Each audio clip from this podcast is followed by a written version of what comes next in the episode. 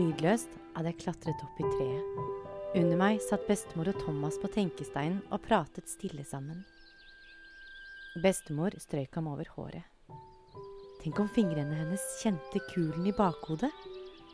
Hva om Thomas fortalte hvordan kulen hadde havnet der, og hva jeg hadde sagt til ham? Bestemor trodde sikkert ikke at jeg hadde sånne ord inni meg engang. For noen dager siden veltet jeg en kurv med epler. De kunne jeg plukke opp igjen og legge tilbake uten at noen merket det. Det var annerledes med de fæle ordene. Når de først hadde sluppet ut av meg, kunne jeg ikke ta dem tilbake. Lydia, sitter du her? Onkel Peter sto under treet og så opp på meg. Han ba meg ikke hoppe ned til ham. Han så bare på meg med røde og trøtte øyne. Jeg må prate med bestemor, sa onkel og gikk mot tenkesteinen. Der la han hodet i hendene, og så begynte hele den store kroppen å riste. Peter, kjære Peter, sa bestemor og strøyk ham over ryggen. Peter ristet vekk hånden hennes. Du kommer aldri mer til å bruke ordet kjære om meg igjen etter at du får høre hva jeg har gjort i natt. Jeg har ødelagt alt, og jeg kan ikke få gjort det om. Peter, kjære deg. Nei, du må ikke si kjære til meg. Du aner ikke. Jeg sa at jeg ikke kjente Jesus. Jeg aner ikke hvem den mannen er, var ordene jeg brukte. Den mannen, kalte jeg ham. Han som er alt for meg. Han som er den beste vennen. Og han hørte alt jeg sa. Å, Peter. Det var kanskje det siste jeg noensinne fikk sagt til ham, for nå har de tatt Jesus med seg og senket ham ned i et fangehull. Ingen får tak i ham. Han er der helt alene, og jeg har hørt forferdelige rykter om hva de gjør med ham. Peter gråt, og bestemor fortsatte å stryke ham over ryggen. Sånn ble de sittende. Jeg plukket ned noen blader som jeg rev opp i mindre biter. Et av bladene ble tatt av vinden og landet ved føttene til Thomas. Han snudde seg og så opp mot treet. Jeg slapp bladene og klatret lenger opp. Lydia? Thomas stilte seg under treet. Jeg turte ikke se på ham. Lydia, kan vi bli venner igjen?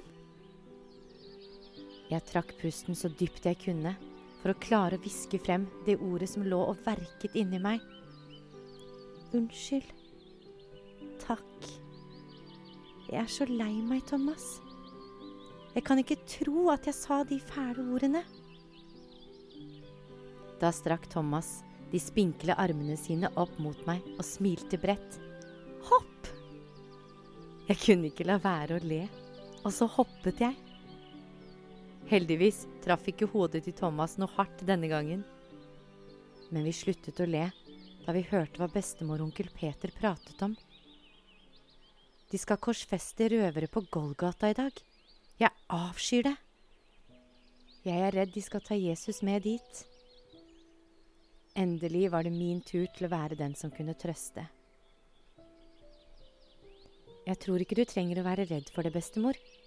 Onkel Peter du har jo fortalt så mye av hva mannen på eselet har gjort. Han har hjulpet de som er syke, alene og fattige. Det er jo ingen som kan få dødsdom for å gjøre så mye fint. Det er nok bare en misforståelse.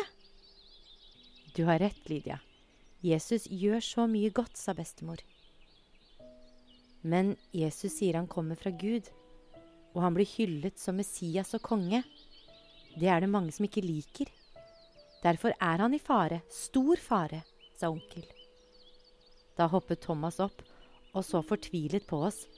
Bestemor, det er vår feil! Vi ropte Hosianna da han kom ridende inn i byen. Vi ropte det så høyt at alle kunne høre det. Og i går gjorde vi noe enda verre. Thomas så på meg. Jeg svelget og nikket til ham. Og så fortalte vi dem om at vi to hadde visst at noe fælt skulle skje, men at vi kranglet og derfor ikke rakk å advare noen i tide.